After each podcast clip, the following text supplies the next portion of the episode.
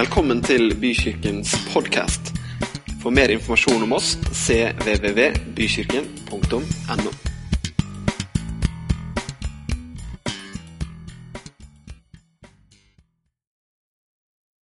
akkurat til det, men jeg skal snakke om eh, idealer i dag. Og det har egentlig litt med veien videre da, for eh, hver enkelt av oss. For det ideal det er ikke et ord som, eh, som står i Bibelen, sånn at det ordet er brukt, men allikevel så er Bibelen full av idealer.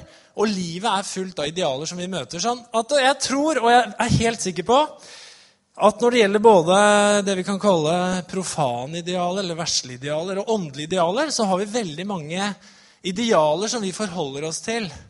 Og noen av oss har en tendens til å forholde oss til idealer på en veldig slitsom måte, mens andre har et veldig avslappa forhold til det. Og det gir ganske store utslag på hvordan vi opplever livet. Så det skal jeg snakke litt om i dag. Eh, jo, jeg tenkte jeg skulle se litt på hva eh, ideal betyr. Eh, Undertittel på prekena i dag det er 'Ufullkomne mennesker i møte med fullkomne idealer'.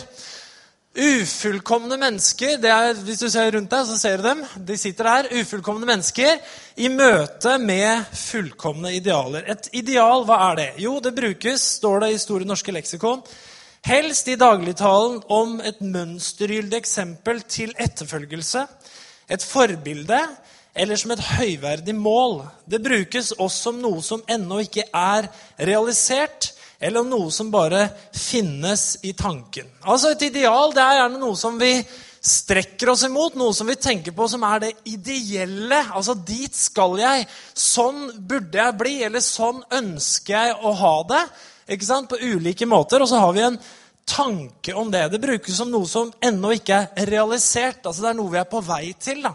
Det er ofte det vi holder fram som, eh, som idealer. Eh, Paulus, han, Det språket finner vi faktisk igjen i Bibelen. Paulus snakker om det når han eh, snakker om seg selv som apostel, som menighetsbygger. Så snakker han om at han fulgte det mønsterbildet som han hadde fått ifra Gud. Altså, da snakker han egentlig om et ideal. og Da snakker han om å bygge forsamling, snakka om å bygge Guds menighet. Og da snakker han om at jeg har et mønsterbilde, jeg har et ideal, jeg har noe jeg strekker meg etter, noe jeg opplever Gud har vist meg. Eh, det er et høyverdig mål. altså Det er noe fint. ikke sant? Det er noe som vi setter høyt. Eh, noe som er endelig, noe som er eh, fullkomment. Det her med idealer, så kan vi spørre oss er det bra å ha idealer. Er det bra å ha idealer? Er det bra å ha forbilder? Er det bra å ha ting å strekke seg etter? Og jeg tenker at svaret på det, det, det, tror jeg både er ja og nei. Jeg tenker at uh, det å ha et forbilde, det å ha et mønsterbilde, det å ha noen eller noe å strekke seg etter, det er noe vi uh, mennesker trenger. Så det tenker jeg er i utgangspunktet positivt. Eh, og ideal det er noe vi kan hente fra i religion, vi kan hente det fra filosofi. altså Vi har en måte å tenke på som vi tenker er ideell. Vi kan hente det fra den materielle verden som vi ser rundt oss. Vi kan hente det fra mennesker som vi får som forbilder, som vi ser på at sånn har jeg lyst til å bli. Eller det han eller hun har fått til, det har jeg også lyst til å få til. Eller vi kan sette sammen et ideal av ulike kunnskaper som vi har. ikke sant? Så det er mange måter vi skaffer oss idealer på. Så på mange måter så er det bra å ha idealer. Men jeg tror også nei. Fordi at eh, om vi har dårlige idealer, så kan det skade oss. Og om vi har et feil forhold til idealer og forbilder og det som er fullkomment, så tror jeg også det kan virke veldig destruktivt. Eh, mye mer enn det virker oppbyggelig. Eh, altså, Har det noen gang blitt litt sånn kvalm at noe er for vellykka? Skjønner du hva jeg mener det? Altså Møte folk som bare er Det er for vellykka, og du kjenner at det orker nesten ikke være sammen med dem. Jeg husker Katrine og jeg vi fremsto sånn en gang. Jeg håper ikke vi fremstår sånn hele tida.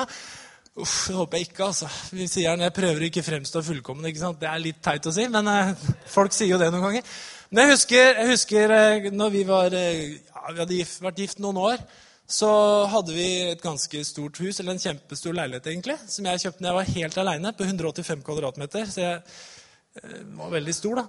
Men vi bodde der, og så var det sånn at vi hadde pussa opp, vi hadde gjort det sånn fint, som vi hadde ressurser til. da. Og så fant vi ut at vi skulle selge Og vi satte inn boligannonse, og hun jobba i sånn eh, firma hvor de lagde boligannonser. Vi fikk en veldig fin en. Og det kom masse folk på visninga. Og en av de som kom på visning, var ei dame som jobba i Allers. På den her interiørsidene, liksom. Det var hennes eh, innbo og interiør, eller hva disse sidene het. Og da, Hun ble veldig begeistra for den leiligheten her, så hun sa kan jeg få lage en reportasje. Ja, ja, Det hadde vi ikke akkurat tenkt på, men eh, ja, ja, for all del. Kom og ta bilder, og det er fint, det. Så hun kom noen dager etterpå, tok bilder av oss, og vi hadde gjort oss litt fine. ikke sant? Og Det var, det var våren, og hun tok bilder utafor, og vi hadde hund. Vi hadde en sånn eh, engelsk springer spaniel, og den lå på fanget vårt da der ute. Vi satt på benken utafor, og det var blomstring på våren. Og det var helt tatt. Og så kom den artikkelen i i Allers Allers er det kuleste interiørbladet. ikke sant? Kan du tenke deg hvor rått, liksom? Ja. Men i hvert fall, så, så kom den artikkelen der, og da så, så sto det var bilde av oss. da. Og vi så så vellykka ut. Det var liksom bare det fine på utsida med hunden. Og så var det sånn beskrivelse da. Ja, Magnar har designet mye selv og er håndverker, og hun jobber i reklamebyrå. Og det var Det blei sånn derre å, herlighet, liksom, hva tenker folk om oss som sitter der? Veldig vellykka. ikke sant? Alt var så fint og alt var så fantastisk og flott. Men grunnen til at vi skulle selge, var jo at vi hadde dårlig råd. Men det sto det jo ingenting om i artikkelen. Ikke sant? Men man, man, kan jo Ofte så er det jo sånn at vi får veldig mange glansbilder. Og vi, vi elsker jo også å vise fram våre gode sider. ikke sant? Hvis vi ikke har fått en veldig forstyrra tanke så, og er selvdestruktive, så liker vi gjerne å vise fram det beste av oss sjøl. Og hele verden rundt oss er jo full av det her. Og det kan bli veldig slitsomt. Er du enig? Alt man skal oppnå. Åh, og hvordan skal vi få det til? Og Det er jo sånn at eh, det er mange idealer som vi er kanskje veldig bevisste. Og så tror jeg det er mange idealer som på en måte sniker seg inn i systemet vårt uten at vi egentlig tenker på det. Og så tenker jeg også at Vi som er kristne, vi får jo ofte et dobbelt sett med idealer og mål som vi skal nå. For vi får jo alt det her som vi får rundt oss, som alle andre får. Med, med hus og hjem og kropp og mat og vellykka familie og flott kone eller mann og unger som lykkes og jeg veit ikke hva det ikke er. ikke sant? Det får vi. I tillegg så har vi jo selvfølgelig kirken vår. da og alt vi skal nå der, og de idealene vi har der, og alt vi skal være som kristne, og så hellige og fullkomne alt vi skal få til. Så vi har jo kanskje enda mer å holde styr på enn alle andre i forhold til idealer. Og det kan være slitsomt. Det kan være på den verslige arena, kan være utdannelse, jobb, kropp, utseende, økonomi, sosial status, spennende liv. Det er så veldig viktig. ikke sant? Eh, livsstil generelt. Og på den åndelige arenaen kan det være at vi skal være helt lik Jesus. Fylt av Den hellige ånd til enhver tid. Leve hellig og rent både i ord, hjerner og tanke. Gi mye både av penger og ressurser. Være et aktivt vitne, leve et skikkelig radikalt disippelliv. Være engasjert i menigheten og ha noen markører i livet som forteller at vi lever i Guds velsignelse. Så det er ikke lite som vi skal ha med oss. Men idealer de kan forandre seg. Eh, det var litt i forhold til kvinneidealet. Jeg fant den her. Hvordan kvinneidealet for har forandra seg. Det første bildet her er år 2000 før Kristus. Det er en tynn mann som tilber en feit kvinne. Mens nå er det motsatt. Da. Så ting kan, kan, endre seg. Jeg fant mer om det her med menn og kvinner. Idealmannen. Jeg vet ikke om noen kan kjenne seg inn i det her. da. Men idealmannen, ifølge kvinner i 20-åra, så er idealmannen han er kjekk, smart, rik, vennlig, har selvtillit elsker barn, han er følsom, samtidig maskulin. Han er morsom, han er sprek og i god form. Og Han kommer fra en flott familie, og han er romantisk. I 30-åra har kvinner redusert idealmannen til å være, være, ansatt, ha utdannelse, at han ikke hater barn, at han er monogam, altså han holder seg til én kvinne, og at han er ren, altså at han vasker seg. I 40-åra er kvinnens idealmann da veldig, veldig redusert. Da. Det holder at han ikke er kannibal, og når han har passert 50 år Kvinnen så er idealmann. Da har han fire ben, han har pels. Han er alltid i godt humør. Ligner vel mer på en hund, egentlig. Men eh, det, er, eh, det, er, jo sånn eh, at idealer kan forandre seg. Her er liksom også den perfekte mannen. Han er stille, han er søt. Og hvis det gir deg noen problemer, så kan du bite av huet hans. Så kan det passer til kvinner. Stemmer det, eller?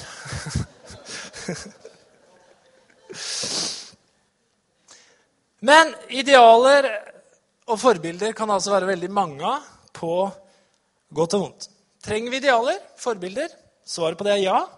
Kan det bygge oss opp? Ja. Kan det virke destruktivt? Ja.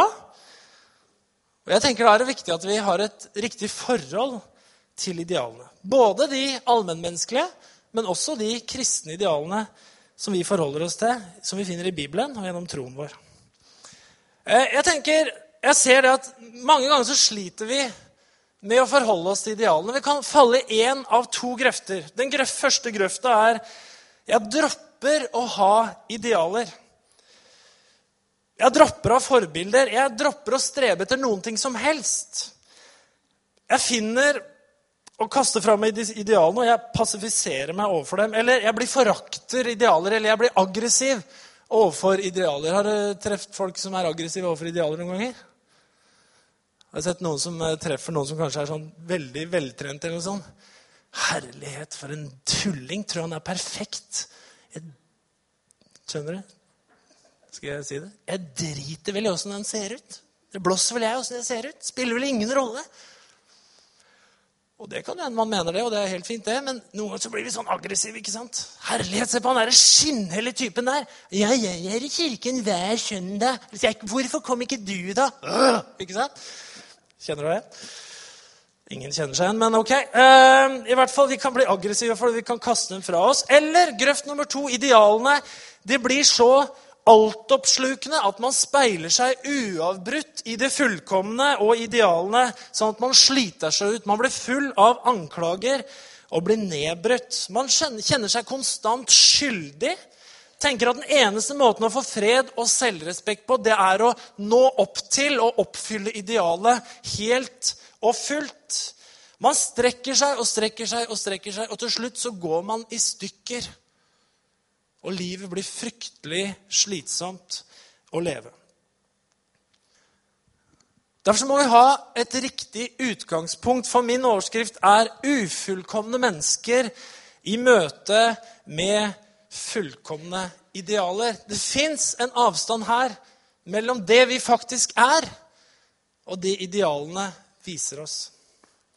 Jeg skal ta utgangspunkt i en tekst, eh, noe som Paulus har skrevet. I Filippebrevet 3,12 så skriver Paulus om sitt eget liv. Han hadde sin bakgrunn, som eh, absolutt ikke var etter Guds plan, om vi kan si det sånn. Han hadde forfulgt kristne, han hadde eh, gjort mye for å utrydde kristne. Han hadde sørga for at mange mennesker hadde blitt drept, bl.a. Men Paulus han finner Jesus. Og når han finner Jesus, så blir han totalt grepet av Jesus. Og Et av måla til Paulus og noe han skriver om det kapittelet, er at han ønsker å bli lik Jesus. Jesus er helt klart idealet til Paulus. Han er målet til Paulus. Men når Paulus skriver om seg sjøl og om den vandringa som han har, så skriver han som følger.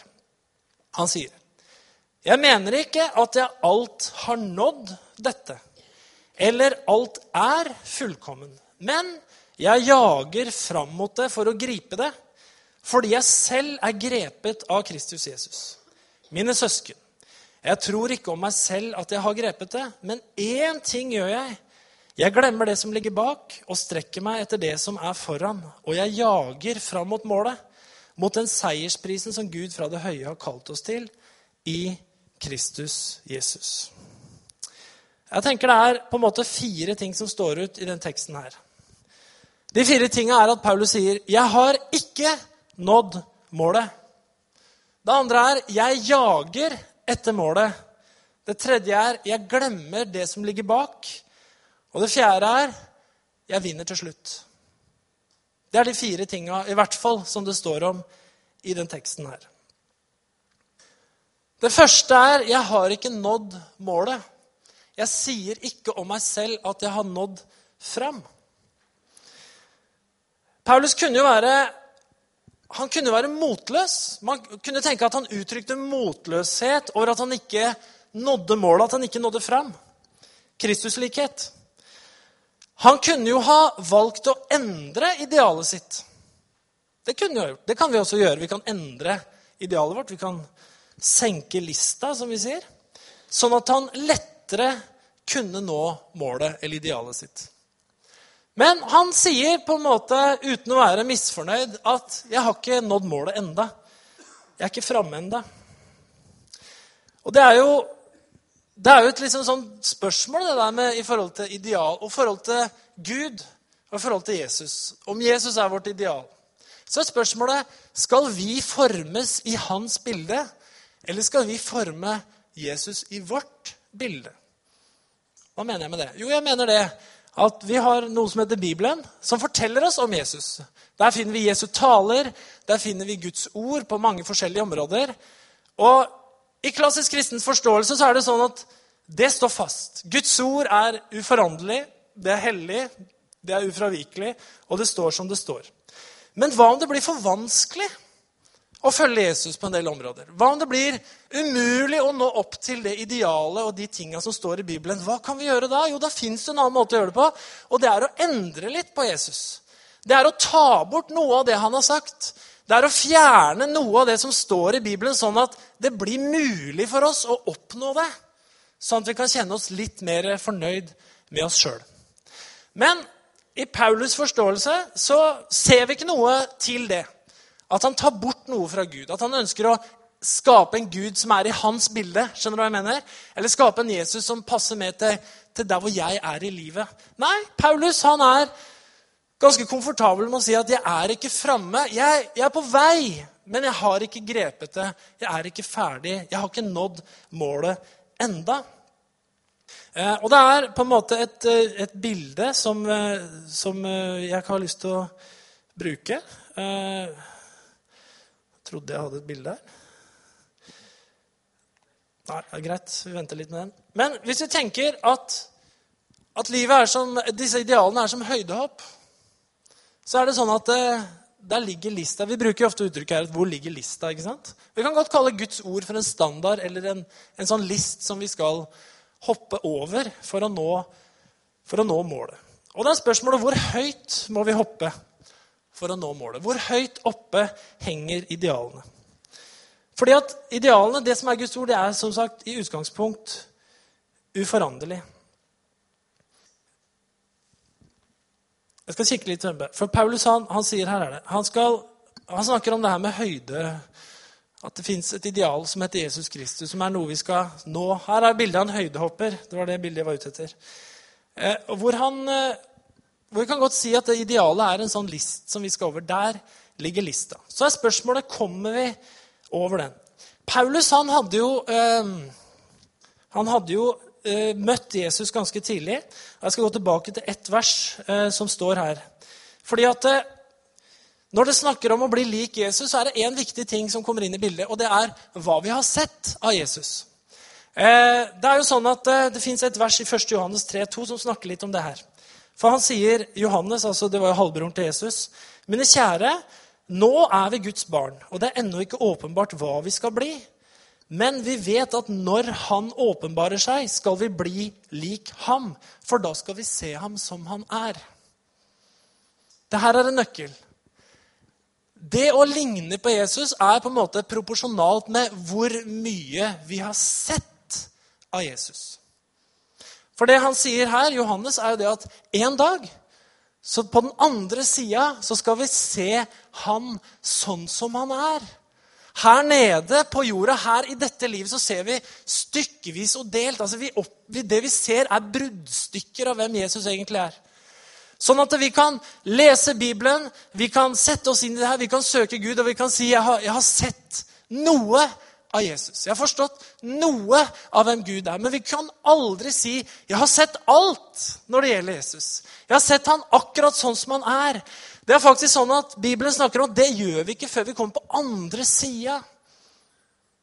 Så det vi blir forvandla av, det er åpenbaringen vi har i forhold til hvem han er. Og Det er interessant med Paulus og hans omvendelse. Du vet, når Paulus ble omvendt, så var han på vei til Damaskus. Og han eh, fikk en mektig opplevelse hvor Jesus kommer til Paulus. Paulus var på vei til Damaskus for å forfølge kristne. Jesus møter ham på veien. Hva skjer med Paulus? Jo, Det skjer to ting med Paulus. Det ene er at han blir blind. Han ser ikke. Og det andre er at han hører Jesus stemme. Og han forstår at Jesus er Guds sønn. Men han ser ikke Jesus. Og på en måte så kan det være et bilde på hvordan det er å bli omvendt til å bli kristen. Det er det her Plutselig så forstår man når man hører Jesus stemme kanskje sånn her på innsida, og opplever at 'jeg forstår at Jesus er Guds sønn'. Samtidig så kan man jo være blind for hvem han faktisk egentlig er. Paulus fikk et kall. Han hørte Guds stemme, men han så ikke Jesus. Det med å se Jesus Nå fikk han jo syn igjen seinere. Det var det fysiske synet. Det er også et bilde tenker jeg, på at man kan godt være kaldt, man kan godt bli frelst. Men det er ikke sikkert vi har sett så mye av Jesus allikevel. Så det her å fortsette å leve det kristne liv, det handler jo om at vi skal modnes og bli mer og mer lik han. Er du med? Og Sånn sett så er det fint det at vi er på vei. ikke sant? Så var det tilbake til han der, som han høydehopperen der, som er eh, den lista som vi kanskje skal over. Det var jo et sånt eh, dagsaktuelt tema for å ta opp. Nå må du ikke hoppe an i svingen nå, altså. For nå, et dagsaktuelt tema som var i KS forrige uke, det var det med kristne og samboerskap, f.eks. Hvor det ble tatt opp ikke sant, at det er veldig vanlig i samfunnet vårt i dag. Det er veldig mange som eh, lever sammen uten å være gift, uten å ha gitt hverandre løfte om troskap inntil døden skiller oss ad. Og Man er altså med på da å gi bort det beste av seg selv uten at man er i en forening hvor man har lovt hverandre troskap livet ut. Så er det sånn at Det har eh, blitt vanlig i samfunnet vårt. Og det er flere barn i hvert fall var det det for noen år siden, var det flere barn som ble født utenfor ekteskap enn i ekteskap i Norge. ikke sant? Og så sier jo Guds ord noe om det her om at seksuallivet hører hjemme i en setting hvor det har blitt gitt løfter til hverandre om troskap til døden skiller dem som har kommet sammen.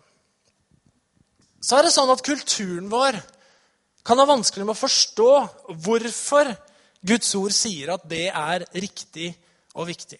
Det kan være mange ting som har skjedd i kulturen som gjør at folk ikke forstår det riktig godt. Kanskje vi som kirke har vært dårlige til å forklare hvorfor det er et poeng å gifte seg. Hvorfor er det et poeng å gjøre det? Og så, og så videre og så videre. Men da er det jo sånn at det idealet, det forandres ikke selv om kulturen forandres. Ut fra Guds ståsted så vil det idealet fortsatt være det samme. Og jeg skal si litt om det, hvorfor det må være sånn. Fordi at Vi må forstå at utgangspunktet for de åndelige idealene, eller Guds idealer, er et helt annet enn det vi bruker når vi setter opp våre idealer. Den lista der. Vi spør ofte hvor skal vi legge lista, standarden osv. Skal vi legge lista der? Og så kan vi si hvis vi er en forening, hvis vi er, holdt jeg på å si, jobber på en skole, vi, vi er en idrettsforening, vi er en, i en eller annen form forening, så kan vi snakke om hvor skal vi legge lista på en del ulike områder. Og så sier vi legger vi den der, så nei, det blir, det blir for strengt.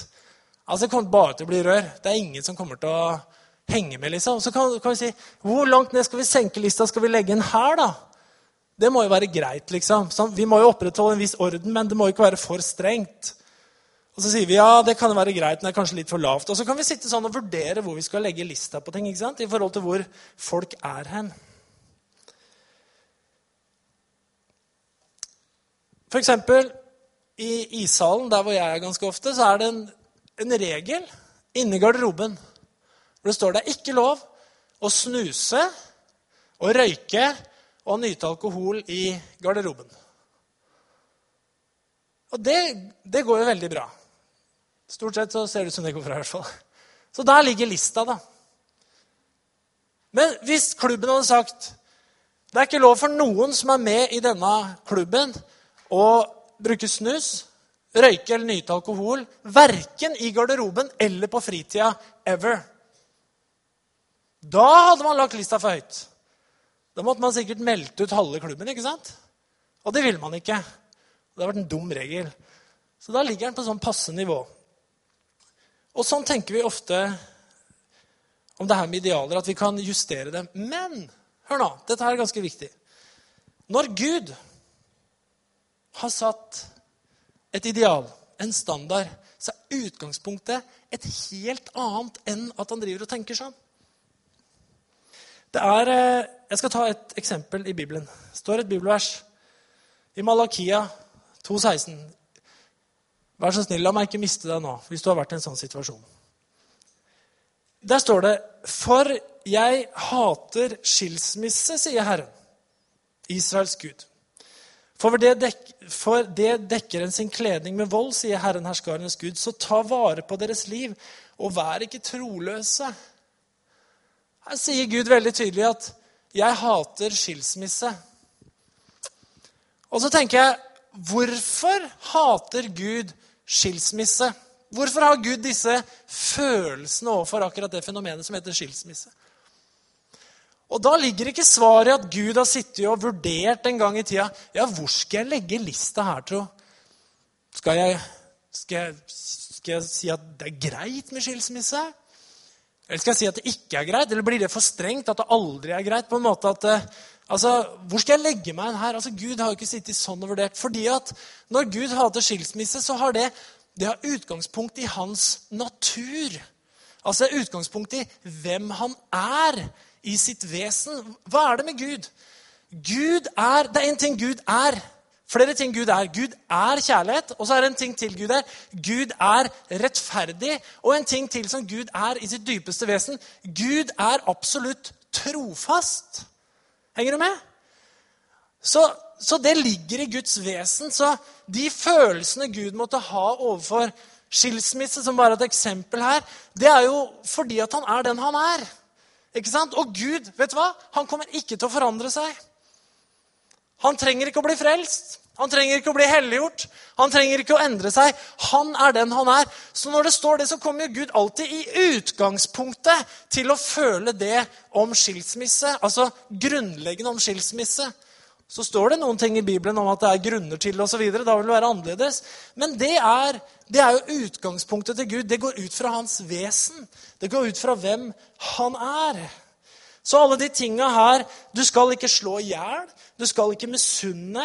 Du skal ikke begjære din nestes eiendom eller kona hans etc. Det går ut ifra hvem Gud er. Hans vesen. Feiler vi på disse områdene? Ja. Vi synder både i ord og tanker og gjerninger. Kommer Gud til å senke standarden eller lista? Nei. Hvorfor det? Fordi han er den han er.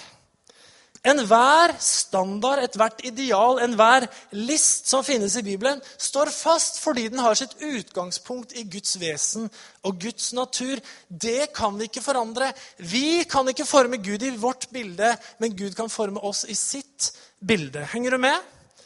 Bare For å gjøre det helt håpløst for oss så skal vi ta ett bibelvers til, liksom bare for å slå oss sjøl helt flate her. Jesus sier i Matteus 5,48.: Vær da fullkomne, like som deres himmelske far er fullkommen. Amen! Da er det liksom nok av på oss alle, altså. Og jeg tenker nesten, Man kan tenke liksom Hva er vitsen Jesus må si det der? Det er jo et håpløst prosjekt. For det er idealet Jesus gir oss. Vær da fullkomne like som deres himmelske far er fullkommen. Vær fullkommen i kjærlighet. Vær fullkommen i trofasthet. Vær fullkommen i rettferdighet osv. osv. Det er standarden. Det er lista der Gud har lagt den. Og så må vi spørre oss sjøl kommer vi til å komme over, eller kommer vi ikke til å komme over. Ja, nå blir det vanskelig her. Åssen skal du komme ut av det her, tenker du kanskje nå? Jo, det skal vi prøve å finne ut av nå. På de to siste punktene. Det neste punktet er at Paulus sier 'jeg glemmer det som ligger bak'. Vi har altså konstant to dårlige elementer i forhold til om vi skal nå opp til idealene eller det hellige. Vi er ufullkomne. Idealene er fullkomne. Og vi taper? Eller? Spørsmålet vi må stille oss, er er det egentlig et mål å leve fullkomment her i livet. Er det egentlig et mål å kunne leve fullkomment her i livet?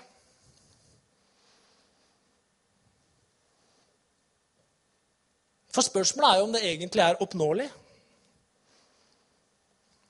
Er det oppnåelig? Og svaret på begge spørsmål er nei.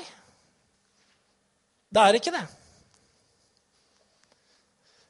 Paulus han snakka i teksten om seierskrans og mål, altså måloppnåelse. Men den seierskransen, dere, hvor er den? For å være litt sånn bokstavelig, hvor befinner den seierskransen seg? Er den på denne sida av evigheten, eller er den på andre sida av evigheten? Og svaret er den er på andre sida av evigheten. Ikke sant? Så hva er da poenget med det vi gjør mens vi lever her? Jo, det store poenget det er at vi er kalt til å være på vei. Henger du med? Vi er kalt til å være på vei. Vi er kalt til å være underveis. Fordi uansett hvor mye vi måtte trene, uansett hvor mye vi måtte disiplinere oss, uansett hvor mye vi måtte innvie oss, så vil aldri vår i gåsetegn, prestasjon her i livet være konstant. Du og jeg er ikke maskiner. Vi er mennesker som har styrker og svakheter, og vi varierer ganske voldsomt i forhold til dagsform. Jeg er sikker på du har vært på høyden noen ganger i livet når alt har vært bra. Du har fiksa alt. Alle mål synes å være oppnådd. Alt er i harmoni. Alt går fint. Det er liksom noen kanskje få dager i livet hvor du kunne sagt Ja, nå er jeg der. Men hvor lenge er du der? Det er kanskje ikke så lenge av gangen, når sant skal sies. For sannheten er at vi varierer. Om vi har i gåsetegn fått til noe en dag, så er det ingen garanti for at du får til det neste dag. Men vi har akkurat hatt uh, ski-VM, ikke sant? VM i Falun. Og da var Det jo sånn at uh, det var 50 km fellesstart. Hvem er det som vant 50 km fellesstart? Jo, det var Petter Northug. Han vant 50 km fellesstart. Han har øvd i flere år for å komme til det målet, det idealet, og bli så god at han kan vinne 50 km fellesstart på VM i Falun. ikke sant? Så han vant den. Og da burde det jo vært sånn at fordi han har vunnet 50 km fellesstart én gang, da burde han jo selvfølgelig klare det hver gang. Ikke sant?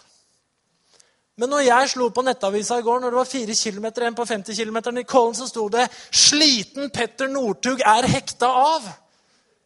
Ikke sant?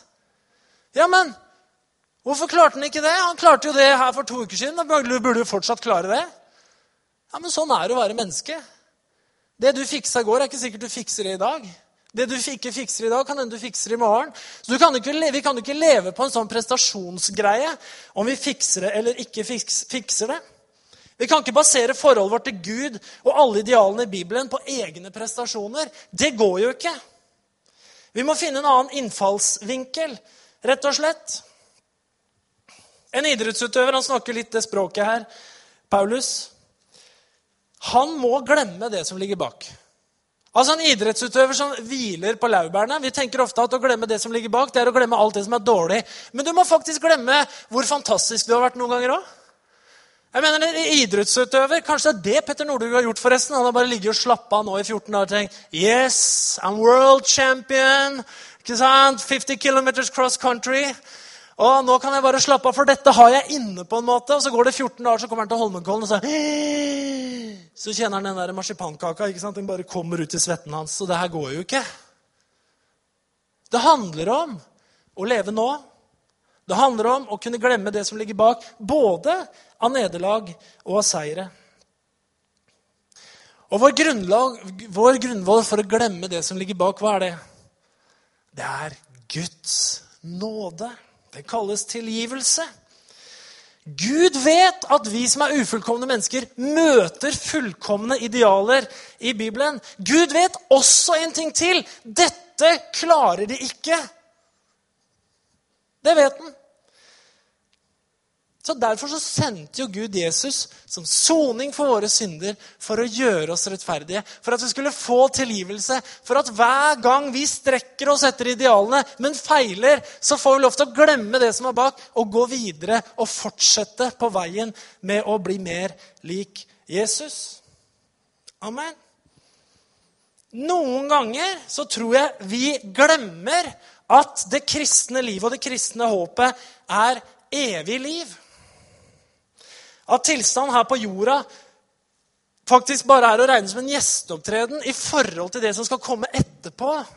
Har du tenkt på det? At det er først etterpå, etter at du passerer over på andre sida, det er først da du og jeg kommer til å bli fullkomne.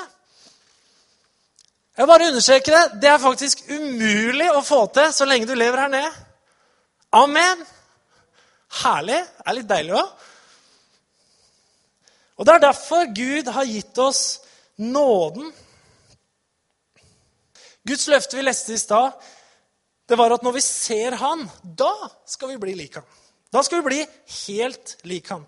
Det vil si at Kristi seier over døden blir vår seier over døden. Det vil si at Kristi fullkommenhet blir vår fullkommenhet. Det betyr at hans hellighet blir vår hellighet. Altså uansett. Og så sier Paulus det at seierskransen den ligger altså klar for oss. Ikke pga. prestasjon, men pga. nåde.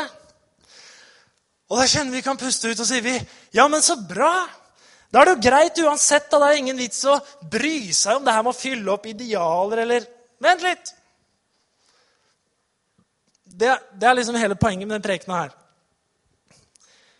At vi skal ha dem. Paulus han sier noe om uh, idealer. Loven var et uttrykk for idealer. Alt man skulle og ikke skulle. Alt man skulle få til, alt man skulle gjøre for at det skulle være perfekt. Men hvorfor kom loven? Hvorfor, hvorfor satte Gud opp alle idealene i en lov? Svaret er som det står her. Loven kom til for at fallet skulle bli stort. Men der synden ble stor, der ble nåden enda større. Og det er fantastisk, tenker jeg. At vi kan, vi kan se disse idealene, vi kan se det som er hellig, vi kan se det som er fullkomment osv. Og, så og så kan vi strekke oss etter det. Men om fallet er der, og vi er klar over det, så blir nåden enda større. Den er der hele tida. Vi vinner til slutt, var det siste punktet. I dette livet så kommer vi til å vinne, og vi kommer til å tape. Men seierskransen den ligger klar. Og vi kan spørre er det noe vits da, å ha disse idealene? Er det noe vits å forholde seg til dem? Og Det er egentlig fortsettelsen på det forrige verset vi leste. Ja, men da er det jo greit. Der synden er stor, er nåden desto større. Og Da går han inn i Romerne 6. Det var det siste verset i Romerne 5. Og i Romerne 6 så skriver han ja, men hva skal vi si da, da? Siden det blir så mye nåde når vi synder. Skal vi forbli i synden, da, sånn at nåden blir enda større? For det er jo bra med mye nåde, ikke sant? Langt derifra, sier Paulus. Vi som døde fra synden, hvordan skulle vi ennå leve i den? Eller vet dere ikke at alle vi som ble døpt til Kristus Jesus, ble døpt til hans død? Vi ble altså begravet med ham ved dåpen til døden, for at liksom Kristus ble reist opp fra de døde ved Faderens herlighet, så skal vi også vandre i et nytt liv. Og det nye livet det får vi lov å speile i alt det som Jesus har gitt oss, alt det som Gud har gitt oss i sitt ord. Så idealet, altså det Gud har gitt oss i ordet, det er hellig. Det skal vi ikke kaste fra oss og bli likegyldige til. Vi skal alltid ha det foran oss som et positivt forbilde som vi er på vei til å nå. Og vet du hva? Hvis vi bruker det her bildet med den lista Det brukte jeg en gang for lenge siden jeg talte her. Men så er det sånn at på ulike områder av livet så vil vi kanskje noen steder være og kunne si Yes, der er jeg, eller der er han, eller der er hun. Der lever de på en måte sånn som Jesus vil vi skal leve. Jeg mener, jeg, Nå er kanskje hun er vel død, men mor Teresa og sånne skikkelser som det, som lever i slummen i store byer i verden. Som helt konkret gir livet sitt til fattige. Som ofrer alt. Legger ned absolutt alt for å hjelpe fattige. Som ikke samler seg noe gods og gull eller bankkonti eller noen ting, men det er totalt dedikert på å leve og hjelpe mennesker som lever i en slum. De lever etter Du skal ikke samle skatter her på jorden, men i himmelen, ikke sant? hvor ikke rust og møll tærer. Kanskje om noen sånne mennesker at vi kan si ja, de er der. Så kan vi ikke diskutere alle livssituasjoner og kulturer. og å, Det kunne vi brukt lenge tid på hvis vi skulle utrede alt her. Men skjønner du hva jeg mener? Og så kan jeg spørre meg sjøl, men jeg, da? Jeg bor her i Norge, og vi har det veldig bra. Jeg samler jo på litt ting. Jeg rydda opp i garasjen i går og kasta masse ting som jeg ikke samler på lenger. Men jeg har mange ting jeg samler på. Så kan jeg spørre meg egentlig hvordan er mitt liv i forhold til f.eks. det idealet? Gi bort alt til de fattige, f.eks. Hvordan er livet mitt i forhold til det? Så kan vi begynne, Hvis vi er litt konkrete på en del sånne ting, så kan vi begynne å finne ut jeg er liksom her nede. Lista er kanskje der, da, men jeg er her nede. Eller på et annet område er jeg her. Eller på et annet område er jeg her. Men hør, da. Det Gud kaller oss til, det er å være på vei. Men han kaller oss ikke til å senke lista. Henger du med? Gud kaller oss til å være på vei. Jeg skal gå inn for landing.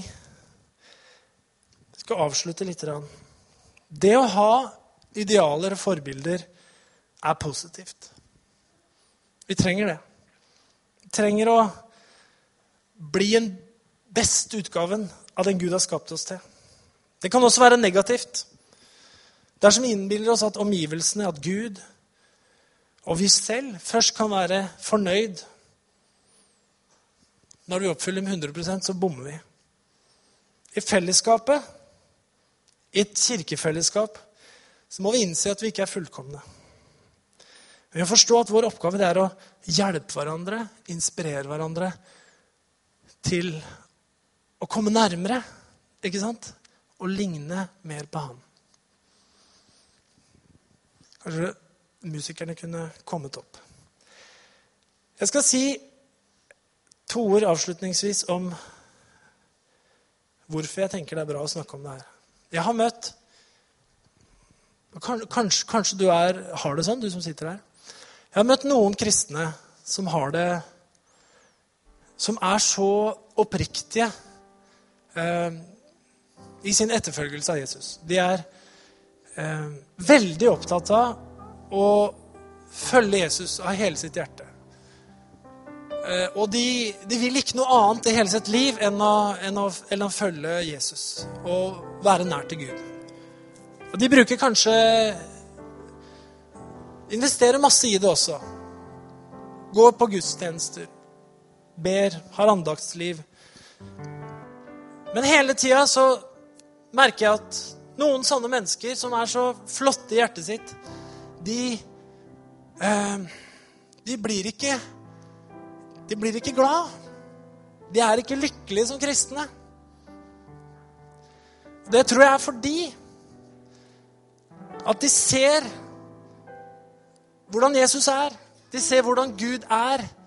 De leser i Bibelen og ser hvordan ting kanskje burde ha vært.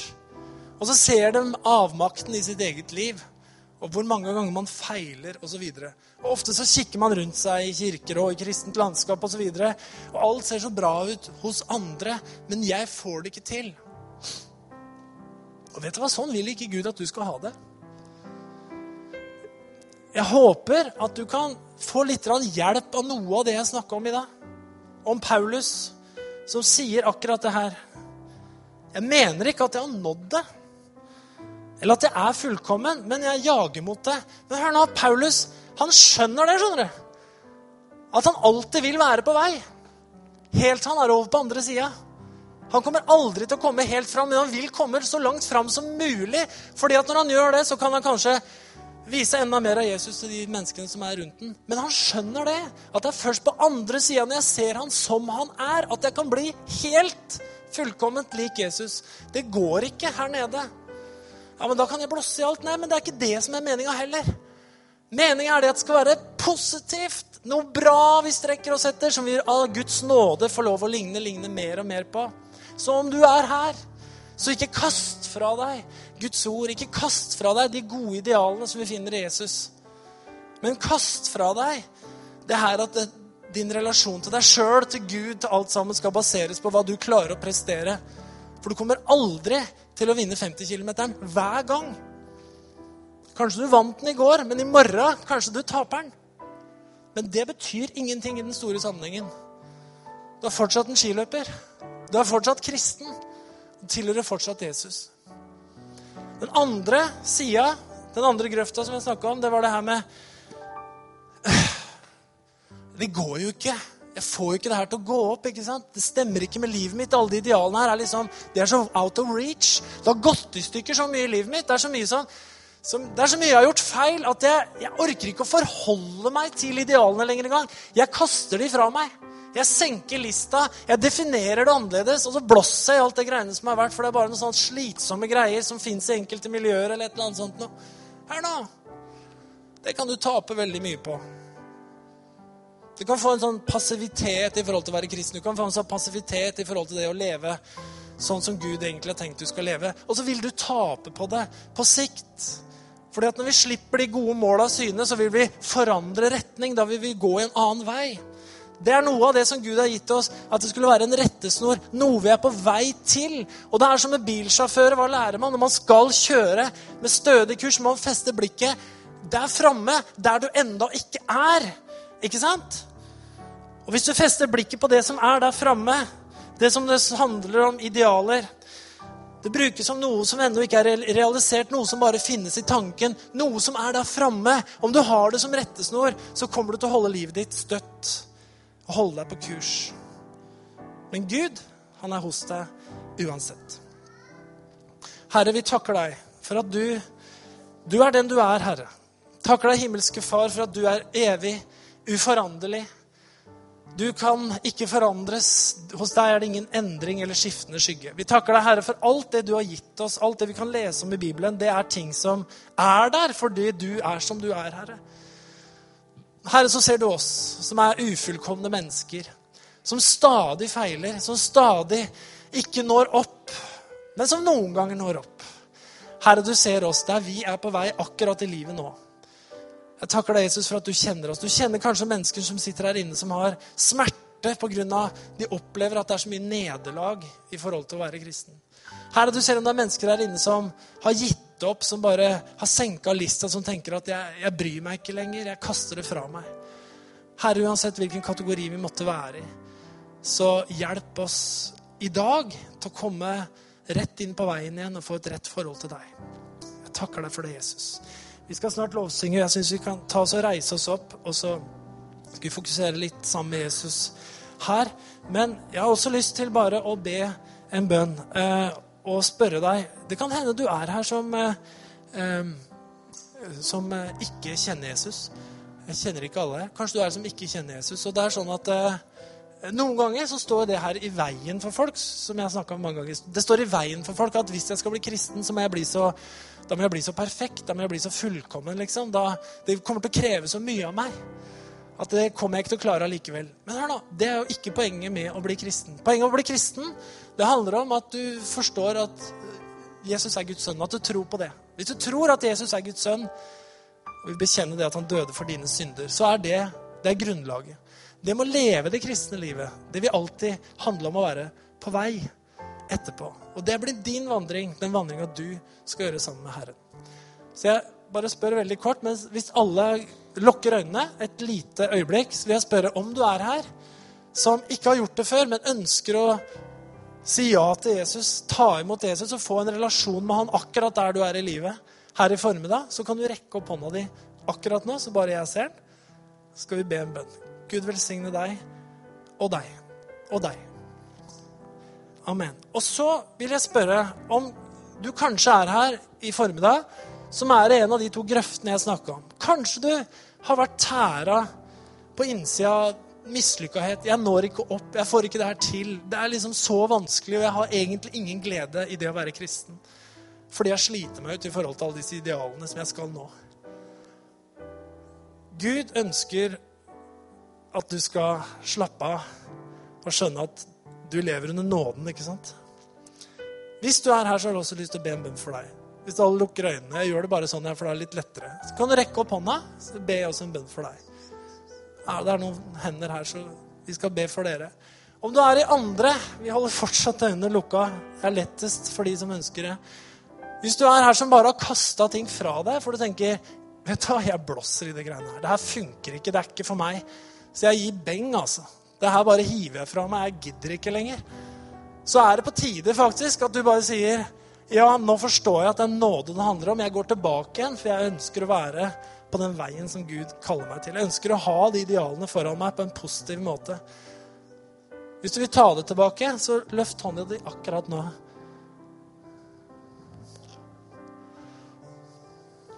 Amen. Da ber vi. Herre Jesus Kristus, takk for at vi kan komme til deg akkurat nå, akkurat som vi er. Herre, takk at vi har forstått at vi møter deg, deg som er fullkommen, og vi er ufullkomne. Herre, vi innser at det er et stort gap imellom deg og imellom oss. Vi takker deg, Herre, for at du derfor sendte Jesus for å være den broa, for å være den nådesbroa som dekte over dette gapet her, som lagde en vei som vi kunne gå på, hvor du kan komme til oss, og vi kan komme til deg. Takk for nåden, Herre. Takk for Jesus Kristus. Og jeg takker deg for de som rakk opp hånda for å ta imot deg og koble med deg i formiddag.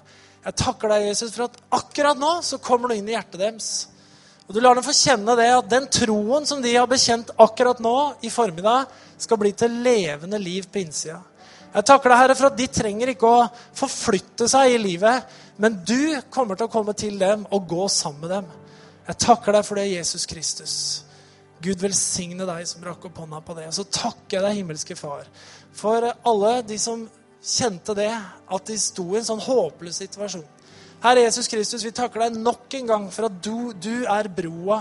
Du er nådesbroa, Herre, som tetter igjen gapet mellom vår ufullkommenhet og Guds fullkommenhet. Takk for at du er den som lar oss være på vei Jesus, jeg takker deg for at du kom og du vandra sammen med mennesker som hadde spørsmål. Du vandra sammen med Emmaus-vandrerne og forklarte dem hvordan ting skulle være. Takk for at du skal leve og gå sammen med oss også, Herre, når vi opplever at ting er veldig vanskelig, når vi ikke kommer fram. Herre, vi ber at du gir oss glede i hjertet, Herre. La oss ta bort vår egen prestasjon i Jesu navn, og la oss få lov å ta imot nåden isteden, himmelske Far. Og Herre, om vi er som Paulus, som har hørt din stemme, som har hørt ditt kall, men ikke har sett så mye av deg, så takker vi deg, Herre, for at det er greit. Og vi takker deg, Herre, for at vi kan få lov å leve videre og få se mer og mer av deg etter hvert som vi lever. Og så takker vi deg for oss alle, Herre, at vårt endelige mål, det er på andre sida i evigheten. Takk for at den seierskransen som som, vi, som det blir snakka om, Herre, den endelige seieren og det å bli deg lik Jesus, det er på andre sida. er inne i evigheten. Så takk, Herre, for at du hjelper oss å ha det perspektivet på livet, så ikke vi går i stykker her nede. At vi kan se inn i evigheten. Se inn på noe stort som vi får av nåde i Jesu mektige navn. Alt folket sa amen. Gud velsigne deg. Takk skal dere ha.